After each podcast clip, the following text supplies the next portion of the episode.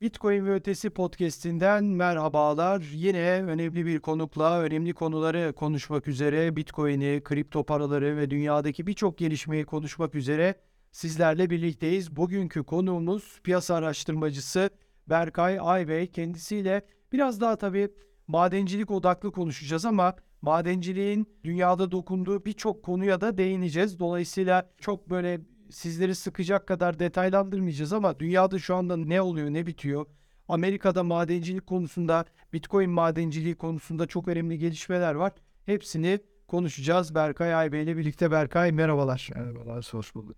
Ee, şimdi hemen tabii istiyorsan Bitcoin'den başlayalım. Madenciliğe değineceğiz ama ben senin Bitcoin hakkındaki fikirlerini, kripto paralar e, hakkındaki fikirlerini de merak ediyorum. Ee, şöyle bir senin hikayenden de başlayalım ki en azından bir girizgah olsun. İnsanlar seni bir tanısın. Ee, neler söylemek istersin kendinle ilgili? Kripto paralarla, Bitcoin'le ne zaman tanıştın? Hayatına nasıl girdi? Nasıl etkiledi? Neler söylemek istersin? Hadi başlayayım. Ben Bodrum'da doğdum, büyüdüm. Ee, üniversite için İstanbul'a gelmiştim. Üniversitede de Bitcoin'e tanıştım bir arkadaşım vasıtasıyla. Sonra ilk tabii orada yükselecek inici muhabbetlerinden sonra başladım. İlk korktum biraz girmedim yani ben anlamam işten diye. Sonra baktım bunu çok daha ötesinde bir şeymiş bu hani bir devrimsel bir şey. Okudukça okudukça arkası geldi böyle kara delik gibi biliyorsun dönmüyor. Ee, asla öğrenemiyorsunuz her şeyi. O zamandan beri şöyle söyleyeyim neredeyse her günüm Bitcoin'le geçiyor. Yani iki Yıl kaç burada? 17 tamam. İşte 2006 yıldır yaklaşık böyle Bitcoin'siz bir günüm olmadı diyebilirim yani o günden beri içindeyim. Şimdi 2017 dedin. 17'de tabii Bitcoin e, o dönem için çok büyük bir zirve olan 20 bin dolara gitmişti ve çok kısa bir sürede gitmişti. O zirve miydi seni merak ettiren? Evet. Çünkü klasik böyle yükselince herkes konuşuyor. Ya, işte ben de orada bir öğrenci olarak aa bu neymiş diye orada Evet. o popülerlik. Bitcoin tabii önemini biz burada bu podcast'te çok konuştuk. Başka programlarımızda çok konuştuk ama sen nasıl ayırıyorsun Bitcoin? Yani Bitcoin'ci misin? Direkt sorayım. Yoksa böyle hem kripto para yatırım yaparım, güzel projeler olur, altcoin'lerden de alırım mı diyorsun? Yoksa hani o gerçekten bir de Bitcoin maksimalisti denilen, şimdi Ethereum'da da öyle gruplar türedi açıkçası. O, o gruplardan mısın yoksa? Ben çok ortadayım açıkçası Evet. yani. Ama Bitcoin tabii her zaman ayrı bir yer. Tabii hiç karıştırmıyorum. Hep böyle bir sevdiğim ve öne çıkardığım yer. Ama onun dışında şu coin çok iyidir, bu coin kötüdür değil de daha çok teknolojik olarak ne katkı veriliyorsa onu destekleme taraftarıyım. Evet. Kendi kişisel yatırımlarımı da araştırmamı da ona göre yapıyorum. Bir taraf tutmadan objektif bir şekilde. Yani çünkü buradaki asıl amacımız bence teknoloji. Yani hatta biraz fiyat dışında da teknolojiye bence daha fazla ağırlık verilmesi gerekiyor. Teknolojik gelişmelerin takip edilmesi anlamında. Yani araştırma, okuma, yazma. Çünkü temelini oluşturuyor. Onun en son çıkan ürünü aslında o fiyat kısmı. Dolayısıyla bu temel kısmında da bence eğitimin, araştırmanın e, gelişmesi lazım. Ben bu yönden bakıyorum. Daha böyle teknolojik bir e, geliş çerçeveden bakmaya çalışıyorum. Sadece kripto da değil yani genel olarak. Tabii yani Bitcoin'de zaten yani fiyat belki en değersiz şey. Yani çünkü de geçmişten gelen bir artış hep söz konusu olduğu için onun çok daha değerli kıldığı için o merkeziyetsizlik e, fiyattan bağımsız kılıyor. Yani onu uzun vadeli bakan o konuda çok rahat olabiliyor açıkçası. Yüzden- Tabii kafan rahat oluyor. Şimdi o merkeziyetsizlik dedik. O merkeziyetsizlik konusuna girelim. Yani Bitcoin'e o merkeziyetsizliği veren en önemli unsurlardan bir tanesi belki de en önemlisi madencilik. İşte Ethereum Proof of Stake'e geçti mesela Proof of Work'ten ve çok tartışıldı. Ethereum artık e, merkeziyetsiz değil diyenler var. E, Ethereum'cular biraz daha işin ayrı öne olmadığı yine merkeziyetsiz hani o kadar e, basit değil diyen var. Sen bu tartışmanın neresindesin? Bitcoin'deki madencilik konusunu konusu hakkında ne düşünüyorsun? Tabii çok geniş bir konu aslında. Öyle bir sordum ki bir, bir saat bile anlatırsın bunu ama kısa bir cevap rica edeyim. Şimdi özetleyeyim. Toplumun kabul ettiği her coin bence otomatikman merkeziyetsiz hale geliyor. Çünkü bu biraz da eee nasıl diyeyim oyun teorisi gibi. Yani bir taraf eee bunu domine ettiğini varsayalım. Herhangi bir taraf olur. Bir kişi olabilir, bir hükümet olabilir. Fark etmez. Eee hard fork diye bir şey var sonuçta. Yani eee, hard fork yapıp tekrar geri kalan kısım ayrı merkeziyetsiz bir şekilde devam edebiliyor. Bu tabii en son çare ama bunu ben şey gibi değerlendiriyorum. Nasıl ülkelerin nükleer silahları var ama kullanmıyorlar. Bu bir caydırıcılıksa. Tabii. Bu da kripto aslında caydırıcılığı. Kullanacağından değil yani. Bu en son çare. O yüzden de yani bir kişinin veya bir şirketin burada domine olması bence bir şey ifade etmiyor. Tam tersi bu arada çok karlı olduğunu gösteriyor. Ki o karlılık da uzun vadede o rekabeti körük bir şey oluyor. O yüzden eğer toplum bir kripto topluluğu bir şey kabul ettiyse ve buna bir şekilde dahil olduysa Ee, sadece madencilik de değil yani bir tweet atması bile yeterli. Tabii. Ee, bu yeterli bence. Bu merkeziyetsiz olduğu anlamına geliyor diye düşünüyorum. Şimdi madencilik konusu tabii e, sadece Ethereum'la birlikte tartışılmadı. Yani Çin yasakladı. 2021 Mayıs'tı zannediyorum. E, yasakladı. O da aslında Bitcoin fiyatında çok büyük de bir düşüş de getirmişti. E, yasakladıktan sonra tabii oradaki madencilerin çoğu Amerika'ya gitti. Rusya'ya giden var, Kazakistan'a giden var elektrik fiyatlarından dolayı. Tabii soğuk iklimlerden dolayı. Zaten Amerika'ya gitti dediğimizde genelde Kanada tarafı sınır ama Amerika'da bir de Texas olayı var. Aslında Texas çok daha güneyde. Ee, ama öyle çok da sıcak da bir yer değil. Yani fırtınalar, rüzgarlar, rüzgar enerjisi ee, tabii e, onun dışında işte fosil yakıtlar, güneş ışığı yani solar enerji bunların hepsi var Texas'ta ama şu tartışmada hep yapılıyor. Yani işte yok Bitcoin Texas eyaleti kadar bir enerji harcıyor madenci diye. E, Norveç kadar, Arjantin kadar bunların hepsinin örnekleri geçmişte vardı. Sen buna katılıyor musun? Yani Bitcoin madenciliği e, fosil yakıtlarla e, dünyanın işte e, nasıl diyelim doğal bitki örtüsü ve artık doğal ilerleyişine sadece bitki örtüsü de değil atmosferi de var bunun bir şey hepsine zarar veriyor. Bitcoin madenciliği diye bir algı var. Bu algı bir algı mı sence? Doğru mudur? Katılıyor musun? Ne, nedir? Hayır bence kesinlikle var çünkü sonuç olarak istatistiklerde belli yani kölerin doğalgazın kullanıldığı net bu elektrik kaynaklarında. Burada şey yanlış yani sanki bütün dünya hiç bunu kullanmıyormuş da hani sadece Bitcoin bu çevreye zarar veriyormuş gibi bir algı oluşması. Evet. Bir de beni sevindirici taraf şu e, artık yenilenebilir enerji kısmı gelişiyor. Yani hem e, kişisel şirketlerin böyle bir e, kendi sorumlulukları var bunun farkındalar. E, insanlarda da zaten var sonuçta küresel ısınma hepimizin problemi. Tabii. E, dolayısıyla o bir gerçek. Bitcoin cidden de ciddi bir elektrik tüketiyor. Ama bu elektriği boşuna tüketmiyor. Tabii. E, bir de bununla ilgili güzel çözümler de var. Yani Bitcoin sonuçta hayatımızda hep akla gelmeyen çözümlerin üretildiği bizim hayatımıza gelen devrimsel bir şey. Bu madencilikte de aynı şekilde. İşte Texas'tan bahsettiniz mesela. Texas'ta 30 tane yaşlanıyorsam şirket var. Bunların bazıları bayağı büyük yani. Wow. Burada e, Texas'ı özel kılan da bir konu var. Çünkü Texas'ın mesela bir enerji merkezi olmasına rağmen Amerika'daki genel elektrikle bağlantısı yok. Yani Texas kendi e, elektriğini kendi üretiyor ve kendi tüketiyor. Diğer eyaletlerden bir şey almıyor. Bilmiyorum hatırlar mısın? Geçen sene bir kış fırtınası oldu. Evet. E, 17 gün elektrik kesintisi oldu. Bazı saatlerin dolmasından kaynaklı olarak. Yüzlerce de insan öldü. Büyük felaketti yani. Evet, 2022 yılında böyle bir şey yaşanması hani sürpriz oldu bayağı aslında. Burada aslında Bitcoin madencileri müthiş bir destek sağlamış oldular Texas'a. Bunlar mesela yaşanma ihtimali çok düşük. Niye derseniz şimdi buradaki elektrik dağıtımını yöneten ERCOT diye bir konsey var. E, bu konseyde teşvik programı var. Teşvik programına üye olursanız eğer bir elektrik tüketicisi olarak 3 aşamalı bir teşvik veriyor. Bunun son aşamasına geleyim ben de. Son aşaması şu. Konsey sizden istediği anda bütün operasyonlarınızı, bütün tüketiminizi böyle çat diye kesebiliyorsanız en yüksek aşamadan size teşvik veriyor, para veriyor yani. Bunun mesela en güzel örneğini geçen sene Riot var. Gene devasa bir maden ilişkisi Texas'ta faaliyet gösteriyor. E, 9 milyon dolar ödeme aldılar mesela. Ki bu kesinti de böyle günler süren kesintiler değil yani. Acil durumda kullanılması için Riot bütün madenci cihazını kapatıyor ve enerjiyi e, şeye devrediyor. Elektriği çekmesi. Şebekeden çekmiyor yani. Tabii. Başkaları çeksin diye. Acil durumda oraya kullan diyor.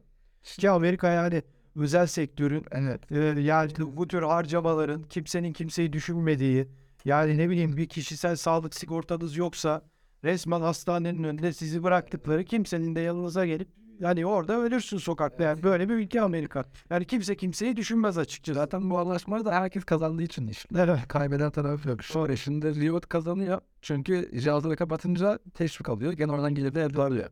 Hatta fiyatlar düşük olduğu zaman belki o kadar gelir bile elde edemeyecekti. Yani kârı bile geçmiş olur Evet. o dönemde. Enerji şirketi de dağıtım şirketi de para kaybetmiyor. Çünkü normalde bu tür işte acil durumlar için şirketin, e, şebekenin ayırdığı acil durum bir şey var. Kapasitesi var. Tabii. Elektrik hani güç var orada. Orayı yönlendirmesi gerekiyor. Ama bu atıl duruyor şimdi. Ekstra kapasite var ama bir yere vermiyor çünkü acil durum. Ama bu şarj, bu tarz işte anlaşmayı kazandığınız zaman hemen ben bunu keserim, sıkıntı yok dediğiniz zaman bunu teknik olarak sağladığınız zaman o acil durumda atıl olan elektrik e, şirketlere verilebiliyor ve buradan da şirket para kazanıyor. Elektrik şebekesi. Yani hiç atıldı ve gene acil durumda kullanabilecek hale geliyor.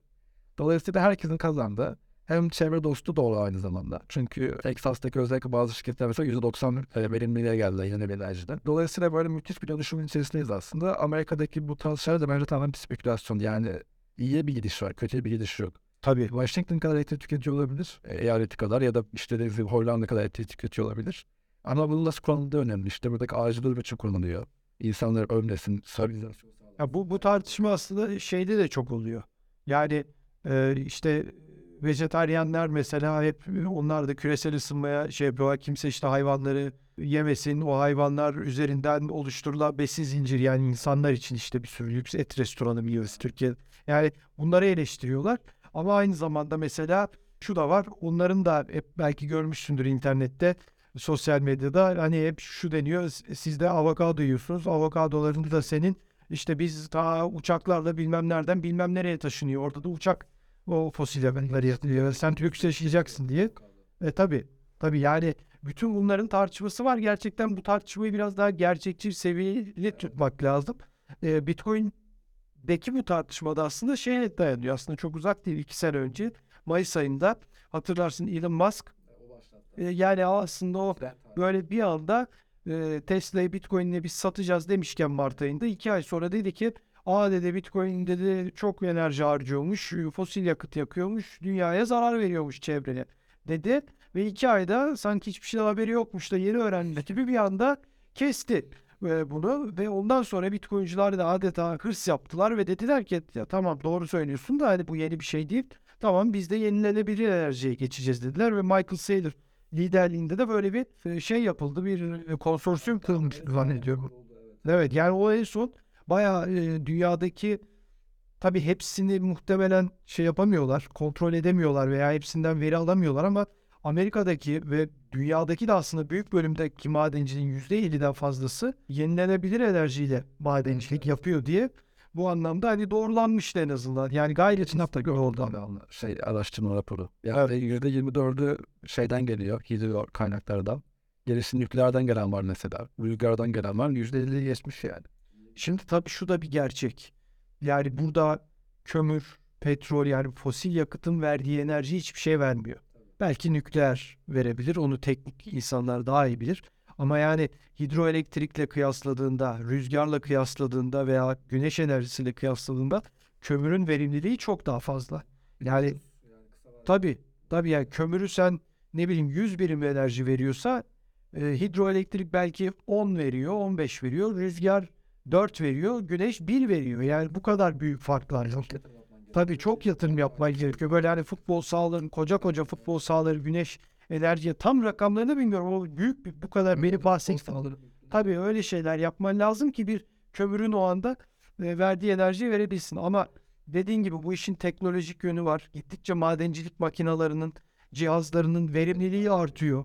Yani e, her açıdan daha çok güçlü ama daha az elektrik harcayan makineler üretilmeye başlandı. Bu anlamda ne diyorsun? Yani o makine üreticileri ki bitmeyin herhalde. Evet, iyi Yani bu buradaki verimlilik de herhalde gittikçe olumlu.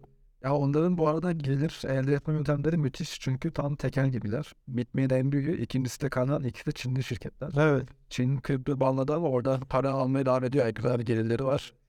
Bu ikisine de tüm dünya muhtaç olduğu için bütün talebi onlar karşılıyorlar ve ciddi bir gelirleri var. Burada aslında Çin bir nevi madenciliğin temeli gibi bir şey diyebiliriz. Çünkü o kadar büyük cihaz üreticisi yok yani. Çin şu an bunu ben sağlamıyorum dese cidden krize gireriz. En gelişmiş cihazları Çinli şirketler sağlıyor. Dolayısıyla Çin aslında kriptodan çıkmamış oldu. Tam tersine tam çekirdeğinde bulunuyor aslında. En alttaki. Yani o yasak senin dediğin gibi şimdi bir kalan bir bitmeyin yani ikisi de Çinli ve yani büyük şirketler ya bugün yok olsa ikisi madencilik neredeyse durma noktasına. Ya durma dediğim en azından supply.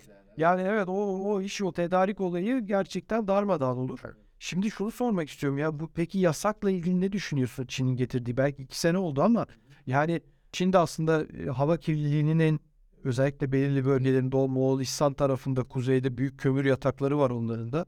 Yani çok orada hava gerçekten o hani filmlerde görüyoruz bazen belgesellerde görüyoruz adamlar bildiğin maskeyle yollarda geziyorlar ki o zaman korona morona yoktu yani senelerdir ama böyle. Tabii 90'ların başında da öyle yani o kesin adamlar maskeyle geziyorlar. Şimdi yani bu anlamda ne diyorsun? Bir gün mesela Justin Sun'ın iddiaları vardı.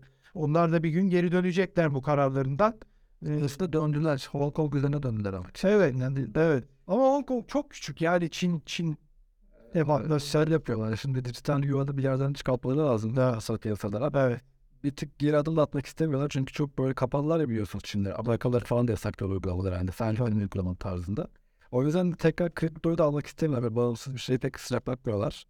Ee, ama burada güzel olan şey şu. Bitcoin için de güzel olan kısım şu. Hong Kong üzerinden bir dijital güvenli finansal piyasanın açılma planı var. Hong Kong bayağı şu an buradan ciddi e, şey ayırıyor. Hükümetin en yüksek öncelikli planları arasında yani şu an kripto. Politik anlamda da bayağı iyi yerde. Burada şimdi Bitcoin dijital altın diyoruz ya. Ben böyle kesin bir sınıflandırmaya karşıyım Bitcoin için. Bitcoin'in bir paradır hem dijital altındır. Ne, ne işinize neresi odur Bitcoin bence. Ama dijital altın kısmına bakarsak, emtia kısmı olarak Bitcoin'e bakarsak burada Çin ve Rusya'nın e, ciddi atılımları var.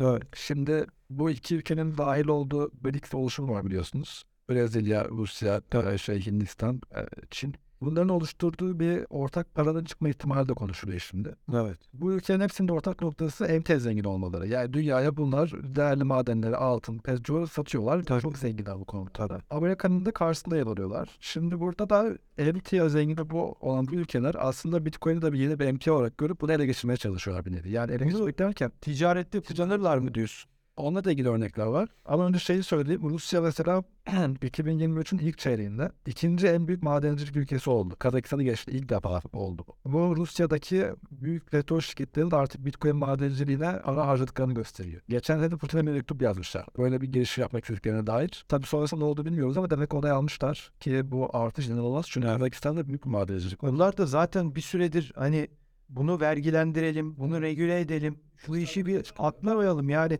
savaş öncesi çok sertlerdi. Ben e, hatırlıyorum yani e, Bitcoin'i yasaklayalım diyorlardı, bütün kripto paraları yasaklayalım diyorlardı ama madenciliği yasaklayalım demiyorlardı mesela. O, o çok ilginç. Yani çünkü. evet yani madenciliği yapalım, vergimizi biz öderiz gibilerinden. Bir de Sibirya falan da biliyorsun hani müsait o tür şeyleri.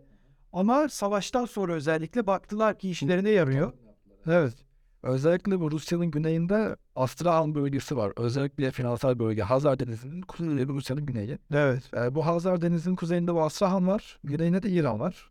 Deniz ticareti yapıyorlar. Yaklaşık bir ya da iki ay önce yanlış hatırlamıyorsam el çıkardılar. Astrahan bölgesine özel altın teminatlı kripto para çıkartma şeyi var. Planları var. İran ve Rusya'nın. Doğru. Oradaki bir deniz ticareti yöneten var. Bunu biz işte yaptırım olur bir şey olur. Amerika'nın şeyine girmeyelim. Bunun üzerinden yürütelim İran var. İran zaten biliyorsun madencilikte e, yeni oda atılım yapan ülkelerden bir tanesi. Madencilerin hatta kazdığı bütün bitcoinleri İran devleti otomatik satın alıyor. Yani garanti alımlar. Ticaretçi de kullanıyorlar ihracatta. Ama bunu resmi olarak ihracat şeyi e, çok açıklamadılar. Birkaç ay önce bu 10 milyon dolarlık bir ihracatı bitcoin yaptık diye açıkladılar. Evet. Aa, 8. 8. 8 evet. Ama official olarak bence bayağı bir vardır diye düşünüyorum ben. Çünkü oradaki para direkt temiz para oluyor ve bir yere gönderebilirsin yani. Tabii. Ee, madencilikten çıktığı için bir geçmişi yok Bitcoin'e. Dolayısıyla ben şey düşünüyorum. Burada yerel paralar üzerinden bir atılım görüyoruz. Gerek Çin olsun gerek Hindistan olsun. Yani işte bunların hepsinde dijital yuan, dijital ruble şeyleri var, atılımları var. Sonuçta hepimiz biliyoruz ki dünya iki kutuplu doğu ve batı diye ayrılıyor ve bu doğu bloğunun zengin olduğu şey emtia ama elinde sonunda finansal piyasalarda dolara bağlı hale geliyorlar. Çünkü siz ne kadar aşağıda yeni parayla ticaret yaparsanız yapın, emtia satarsanız satın, dünyanın hepsini isterseniz hükmedin. Sonuçta bu elinizdeki varlığı değeri bir kredi alar, almak için dönüştürmeniz gerekiyor. Yani finansal bir getiriye getirmeniz gerekiyor. E buna da mecburen dolar piyasasına bağımlısınız. O yüzden yani aşağıda ne yaparsanız yapın yukarıda gene dolara bağlı oluyorsun. Dolayısıyla şeyde konuşulması bana çok enteresan geliyor. BRICS bazılı BRICS'in kendi parası. Ki bu ülkelerin kendi oluşturduğu para olursa ortak kimsenin ego tatmin yapmasına gerek kalmaz. Ama şunu soracağım ben yani bu, bu gerçekten evet yani merak ediyorum. Şimdi işte iki hafta önce, üç hafta önce oldu ve bir hafta içinde oldu bunlar. Yani 7-8 gün için. Tabii. Suudi Arabistan hatta geçen sene de Suudi Arabistan demişti ki Çin'e benden petrol alacaksan dedi yuanla ödeyebilirsin dedi. Mesela Suudi Arabistan da yani açık konuşalım Amerika'nın neredeyse arka bahçesi gibi bir ülke. Yani Amerikan ordusu koruyor ve Amerikan ordusu diyor ki kardeşim diyor bak İran çok güçlü. İran gelir seni ele geçirir.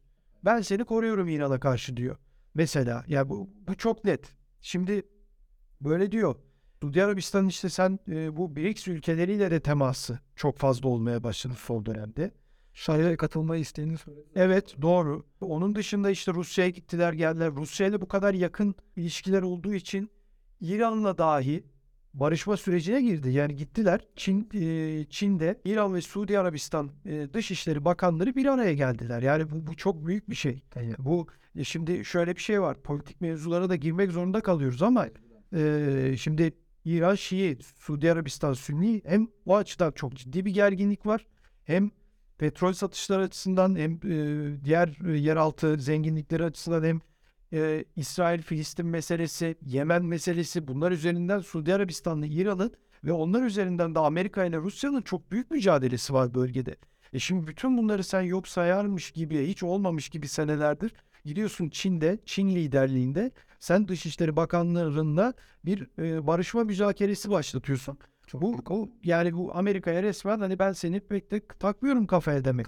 Onun dışında Brezilya ile Çin gittiler. Geçtiğimiz haftalarda yine bir anlaşma yaptılar. Biz e, ticaretimizi yerel paralarla yapalım dediler. Yani bu işte re- real, real zannediyorum Brezilya'da. E, Çin yuanı. E, Fransa ba- e, Bahreyn değildi de Abu Dhabi üzerinden de Birleşik Arap Emirlikleri üzerinden bir doğalgaz alımı yaptı. E, Çin yuanıyla yaptı yani bunu. İlginç. Benim sana sorum şu. Bu kadar Çin, Çin yuanı konuşuluyor. Peki biz seninle ticaret yaptık. E, Ben sana Çin yuanı ödemesi yaptım. Tamam herkes mutlu peki. E sen Çin yuanı olarak tutabilecek misin bu parayı? Çin yuanı da çok mu değerli veya aynı şeyi Rus rublesi için sorabiliriz. Veya BRICS paraları için sorabiliriz.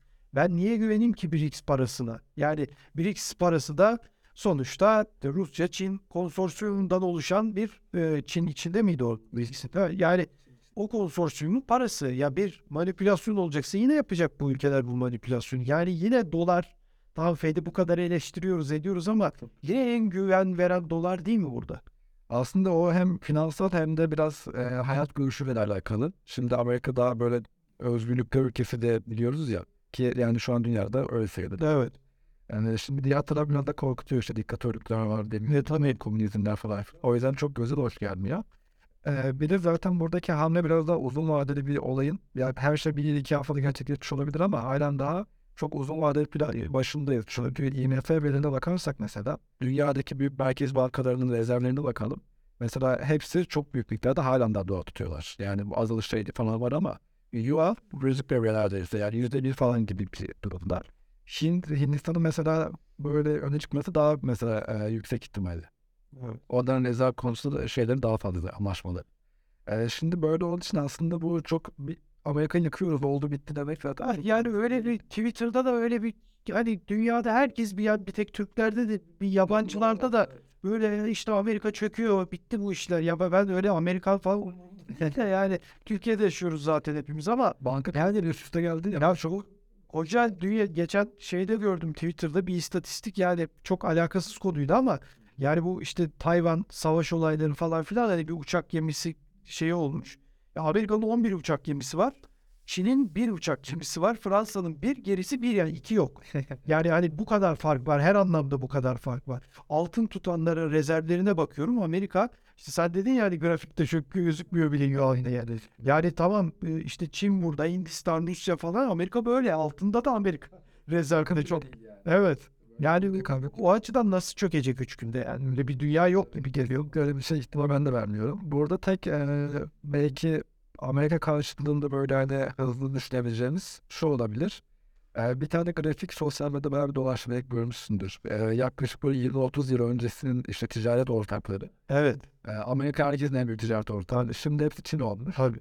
Ama bütün finansal... Mavi kırmızı değil mi renkler? Tamam. Şimdi hepsi de mesela Amerika e, şey yönetiyor tabii. Finansal piyasaları yönettiği için Evet. bir üst noktada ona bağlı hale geldiğiniz için sonuç olarak Amerika her türlü kazanıyor. Ama bu altyapısında sonuçta bir parayı değerli kılan talebidir. Eee petrollar bunun birincisi. Şimdi açık dönemsel o yüzden çok önemli. Ama ikincisi de işte bu sonuçta bizim ekmek gibi su gibi ihtiyacımız olan şeyler işte petrol, değerli madenler, sonuçta giydiğimiz tişörtten kullandığımız evimize kadar her şeyimize kadar. Eee, buradaki madenlere muhtacız. Dolayısıyla bunu kimin ihraç etti ve kimin zengin olduğu da önemli. Ve emtia zengin ülkelerin aslında uzun vadede kazanma ihtimalleri çok yüksek. Çünkü dünya nüfusu sürekli artıyor ve önceden mesela 13-15 yılda bir 1 milyar nüfus artıyor. Şimdi 7-8 yılda bir, 9 yılda bir 1 milyar nüfusumuz artıyor. Dolayısıyla bu emtialar giderek daha da nadileşiyor. Şimdi imtihan adeleşiyor. Dünyada savaşlar oluyor. Yaptırımlar sürekli artıyor. Dolayısıyla ne oluyor? Eninde sonunda paranın artık kayması gereken yer en zengin ülkeler haline geliyor. Dolayısıyla uzun vadede aslında kazanan şu anda Doğu e, bloğu olarak gözüküyor. BRICS ülkeleri gibi gözüküyor. Şangay Beste gibi gözüküyor. Ama dediğim gibi kısa vadede kesinlikle böyle bir şey yok. Amerika çok güçlü. Dediğiniz gibi neden yuva tutayım ki ben? Yani şu an mesela bizim merkez markamızda yuva tutsa eleştiririz. Çünkü bunun maliyeti var. Kime satacağız yani? Kimle kullanacağız diyor. Tabii. Sonuçta bir lira bile değerli ülke için. O yüzden finansal piyasalar neyi istiyorsa, neye değer veriyorsa oraya doğru hareket etmeli. Peki sence bu yani o konuyu da şey yapmayalım, atlamayalım. Önemli bir konu. BRICS ülkeleri özellikle yani bu emtia zengini gücü olan ülkeler. Brezilya'da mesela değil mi? Çok ciddi bir petrol e, şeyi var, rezervi var. Tabii yani Venezuela'yı mesela atladık. Venezuela'da tabii Amerikan yaptırımları oldu, darbe girişimleri oldu oralarda. Bunların hepsi bence petrolle al- alakalı, yani yeraltı zenginlikleriyle alakalı. Ee, yani Libya savaşları, işte zamanında e, Irak'ta olanlar bunların hepsi o petrodolar. Yani bu ülkeler hep aslında baktığında petrodolar sistemini yıkıp aslında bir türlü biz işte Libya'da öyleydi zannediyorum. Kaddafi bir dönem istiyordu Afrika parası yapalım. Petrolü öyle satalım dedi mesela. Tabii pahalıya patlattılar. Yani onu çok ciddi cezalı. Irak hala dünyanın en çok petrol üreten ülkelerinden bir tanesi.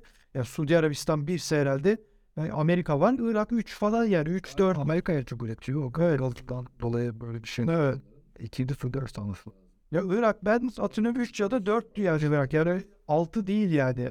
Öyleydi yani o da pahalıya patladı. Baktığın zaman hani şunu sormak istiyorum. Bitcoin bunun yerini alabilir mi sence? Şimdi bunu söylediğin zaman hani senle ben belki konuştuğumuzda bize böyle aşırı marjinal gelmeyecek ama sokakta söylediğin zaman insanlar sana olur mu canım öyle şey gibi cevaplar veriyorlar. Sen ne düşünüyorsun? Belki de senin de cevabın olur tabii. Şunu söyleyeyim. Ee, ben şöyle düşünüyorum. Ee, Bitcoin bence altın gibi olacak. Yani tarafsız olduğu için bu herkesin parası olacak. Nasıl biz topluluk olarak bunu sahipleniyorsak ülkelerde bu altının sahiplendiği gibi Bitcoin'i bence sahiplenecek. Yani ben bunu düşünüyorum. Bu da çok ütopik bir şey değil çünkü bunun oyun alanı değişiyor. Altyapısı aslında CBDC'ler oluyor. Yani CBDC dediğimde ülkelerin merkez bankalarının kendi dijital parası. Buradaki dijital para şeyi trendi artıyor. Şimdi mesela G7 toplantısı da gelişmekte olan ülkeler CBDC nasıl yardımcı olabiliriz? E, bunu konuşacaklar, onu söylediler. CBDC olduktan sonra aslında bizim altyapımız değişiyor. Yani paradan anladığımız şey artık tokenler olacak.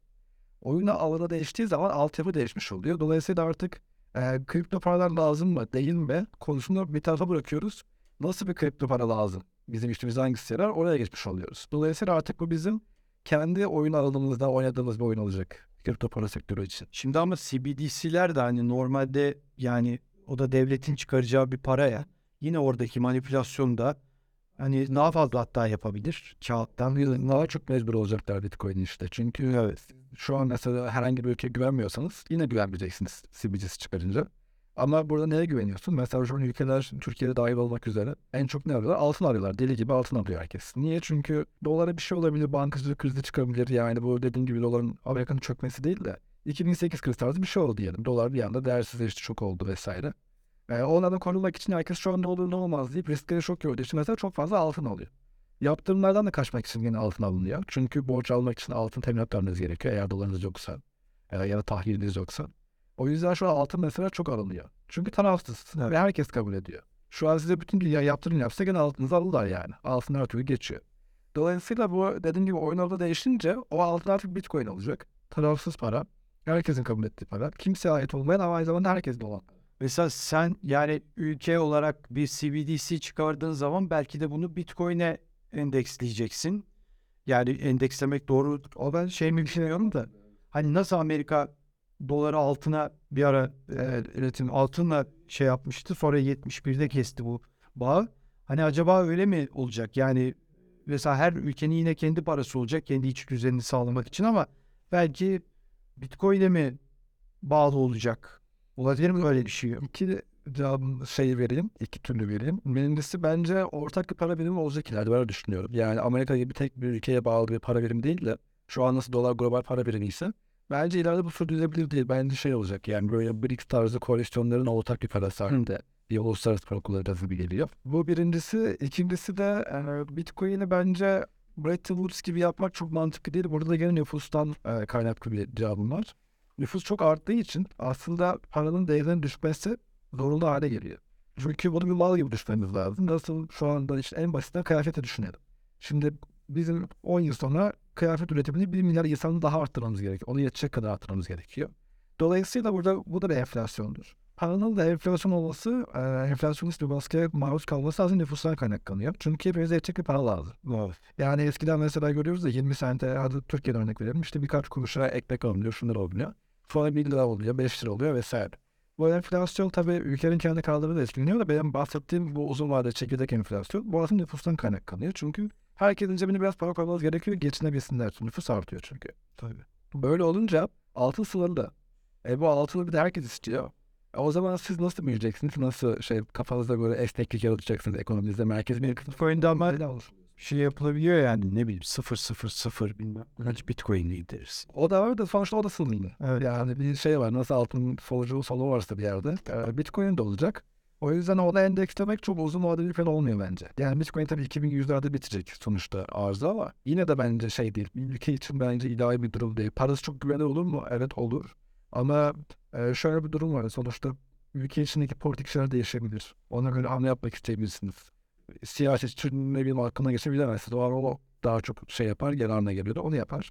Bunu yaptığınız zaman Bretton Woods tarzı bir endeks yaptığınız zaman bu şeyde elinize alınıyor silahlar.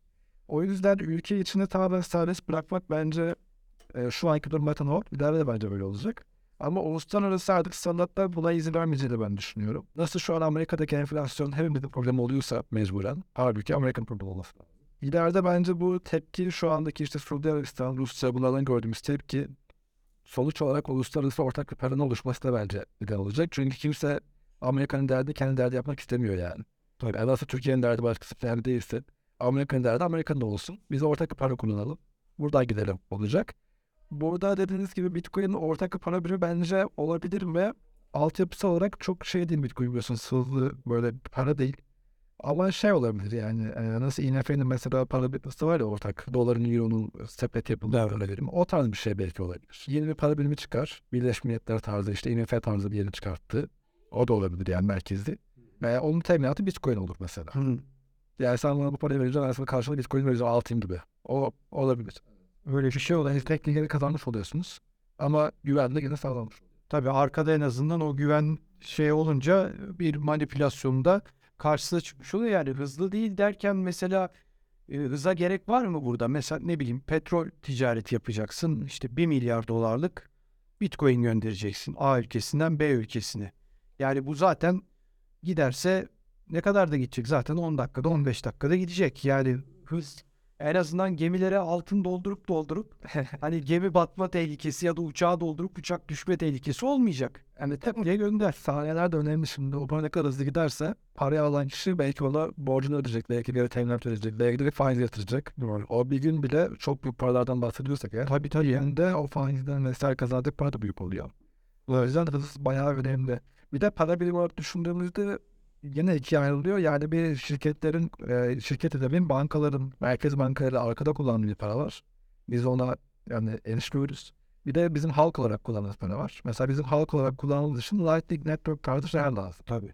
O çok gelişirse yani okey telefondan falan o şekilde ödenebilir. Ama onun dışında ben çok zannetmiyorum yani. Çok verimli olmaz bence. Evet o Lightning Network üzerinde de artık çok gelişmeler var. Yani o onu ama hala tam anlamıyla yeterli değil. Yani o herkesin kullanabileceği şekilde değil. Onu da belirtmek lazım ama genel manada Bitcoin'in küresel çapta bir güvenlik parası olacağını düşünüyorsun anladın. Evet, evet. Birisi benzer para birimine şeyini kazanacak statüs. Ve tabii bir diziler sağlayacak. Evet bu çok büyük bir şey. Tabii kesin. Tabii şu anda bunu söylediğimiz zaman mesela aslında sen altında doldurarak bunun sebeplerini de konuşarak anlattın. Tabii ütopik bir şey değil. ya. Tabii ütopik bir şey de değil. Dünyada ne ütopik gördüğümüz her şey. Credit Suisse iki günde battı. Yani Credit Suisse en büyük rakibine zorlasa da aldırdılar, satın aldırdılar. İsviçre devleti dedi ki al dedi bunu. Ben vereceğim parasını şey yaptı dedi. Hani ikinci el araba muhabbetleri olur ya şöyle. Sen al al ya ödersin. Hani onun gibi yattılar ya. Koca Suisse battı. Şimdi soruşturma açtılar hatta çok usulsüzlük oldu diye. O kadar hızlı sat. Tabii, olmaz mı zaten yani devlet belki de kendi yaptı bunu. Gerçekten bunları bile gördükten sonra yani demem o ki ya bunları bile gördük. Yani bu, bu mu ütopik yani neler görüyoruz şimdi. Dolayısıyla hani gerçekten bu anlamda tabii biz bunları takip ediyoruz. Haberciyiz hepimiz bakıyoruz ediyoruz. Yani bunları da Aslında bu podcastleri de o yüzden yapıyoruz. Biraz daha halka indirmek için. Halka Bitcoin'in böyle hani marjinal bir şey olmadığını göstermeye çalışıyoruz ama tabii ya bizim çabalarımızla da olacak bir şey değil bu. Yani sadece biz değil bütün dünyadaki gazetecilerin de çabasıyla olacak bir şey değil. Halk bunu zorla bütün halklar dünyadaki herhalde görmek zorunda kalacak. Yani Amerikalı da mı da kalacak? Tabii bugün Fransa'da da olaylar var. İşte emeklilik yaşı, Macron e, yani Paris sokakları hala e, haftalardır bitmedi. E, Avrupa çok zengin bir bölge yani ya dünyanın en zengin bölgesi muhtemelen değil mi herhalde? Amerika'dan da genel ortalamaya bakıldığı zaman zengindir diye düşünüyorum. Ya parası olarak bilmiyorum ne kadar şeyde. Amerika bence biraz daha iyidir. Ya. Hayır şey olarak yani Kültür mültür olarak hepsine bak. tabii başı fakirlik Amerika'daki Avrupa'da yok mesela. Bu açıdan bakarsan Orta Avrupa ülkesi. Tabii. tabii dolayısıyla hani Fransa'sı bile bu, bu haldeyse Tabii refah. İspanya'nın işsizliğini biliyoruz. Portekiz'in durumunu, İtalya'yı biliyoruz. E bir Almanya kalıyor zaten. Bir de birkaç kuzey ülkesi kalıyor. Dolayısıyla hani bu anlamda dünyanın gittiği yerde ortada. Ben de senin gibi yani hiç katıldığım, e, katılmadığım çok konu yok. Çoğuna katılıyorum. E, diyelim bitirelim. E, çok teşekkürler değerlendirmen için. Bir son mesajın varsa şöyle bir söyleyeceğin ya da toparlayabileceğin bir şey varsa e, onu da dinlemek isteriz açıkçası. Yani çok çeşitli konulara değindik. Bence bu yaptığınız podcast yayınları işte uzman olsun haberleri bence çok değerli dediğiniz gibi insanlara bunları da iletmek gerekiyor. Evet. Araştırmayı sevmiyor demek istemiyorum ben insanlara. Çünkü herkesin bir öğrenme yöntemi var. Bazısı dinleyerek, bazısı okuyarak, bazısı iz- izleyerek öğreniyor. Dolayısıyla ne kadar çeşitli yayın olursa insanlara bu bilgileri öğrenmemiz o kadar iyi. Ben sadece biraz işte insanların fiyat şeyinden çıkıp düştü, batacak çıktı, işte roketi aya gidiyoruz şeyden çıkıp yani teknoloji nereye gidiyor, dünya nereye gidiyor bunlara bakması, buna göre aslında yatırım yapacaklarsa buna göre yapmaları bence önemli. Ülkemizden başlayarak yapmamız gereken dönüşüm bence temeli bunda yatıyor. Önce okuyacağız, araştıracağız, öğreneceğiz. Sonra Tabii bazıları da hani sen dedin ya izleyerek okuyarak bazıları da yaşayarak öğreniyor. Yani o kadar durum öyle geliyor de yani en sonunda işte bu doların da artışlarından ötürü mesela insanlar biraz daha borsa tarafına kaydılar. Evet. Borsayı öğrendiler. Kayıplar da oldu tabii ki o bir ara çok arttı bazı hisse senetleri ama yaşayarak öğreniyorlar. benim umudum olmuyor tabii. Tabii tabii çok teşekkürler Berkay. Evet Bitcoin ve Ötesi podcastinde bir programımızın daha sonuna geldik. Piyasa araştırmacısı Berkay Aybey ile birlikte gerçekten önemli konulara değindik. Madencilikten başladık. Dünyanın nereye gittiğine ve Bitcoin'in ileriki dönemde dünyada nasıl bir rol alabileceğine kadar birçok konuyu tartıştık. Bizi dinlediğiniz ve izlediğiniz için teşekkür ediyoruz. Bir sonraki podcastlerde görüşmek dileğiyle. Hoşçakalın.